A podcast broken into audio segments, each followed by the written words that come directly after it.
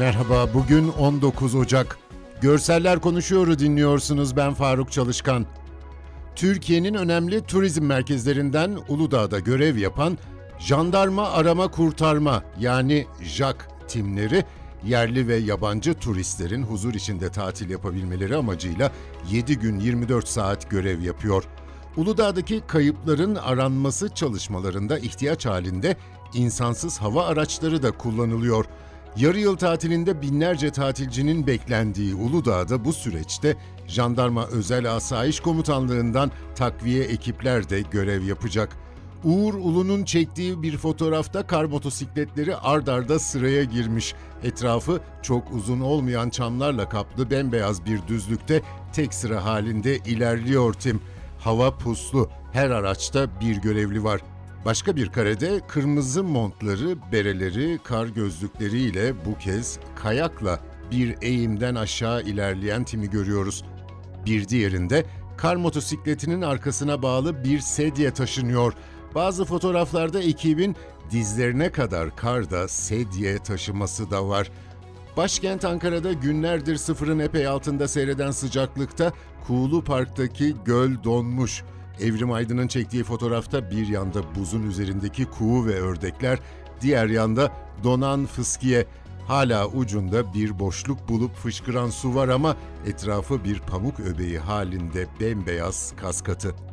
Suriye'nin kuzeyindeki Halep'in Azez ilçesinde bulunan bazı mülteci kamplarında kar yağışı etkili oldu. Suriyeli mülteciler ellerindeki kısıtlı imkanlarla hava şartlarına karşı mücadele veriyor. Ömer Alven çekmiş fotoğrafları. Çoğu beyaz derme çatma çadırların arasındaki boşluk zemin karla kaplı. Uzak köşedeki çadırın yanından mavi montlu, maskeli küçük bir çocuk kameraya bakıyor. Zemin bazı yerlerde çamura dönüşmüş. Bir yerde yıkanmış eldiven ve başka giysiler asılı ama donmuşlar. Bazı çocukların kartopu yaptığını da görüyoruz. Son olarak bir sıcak haber.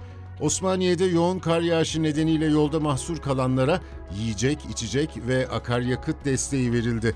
317 kişi misafirhanelere yerleştirildi.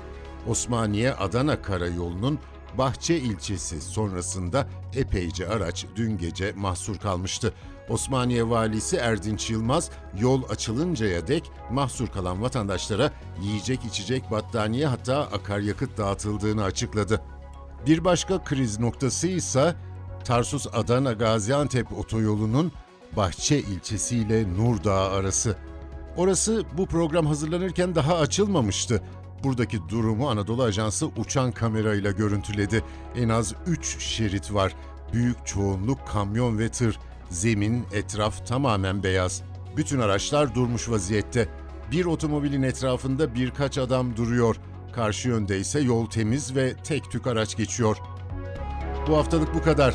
Bizi hangi mecrada dinliyorsanız lütfen abone olmayı unutmayın. Hoşçakalın.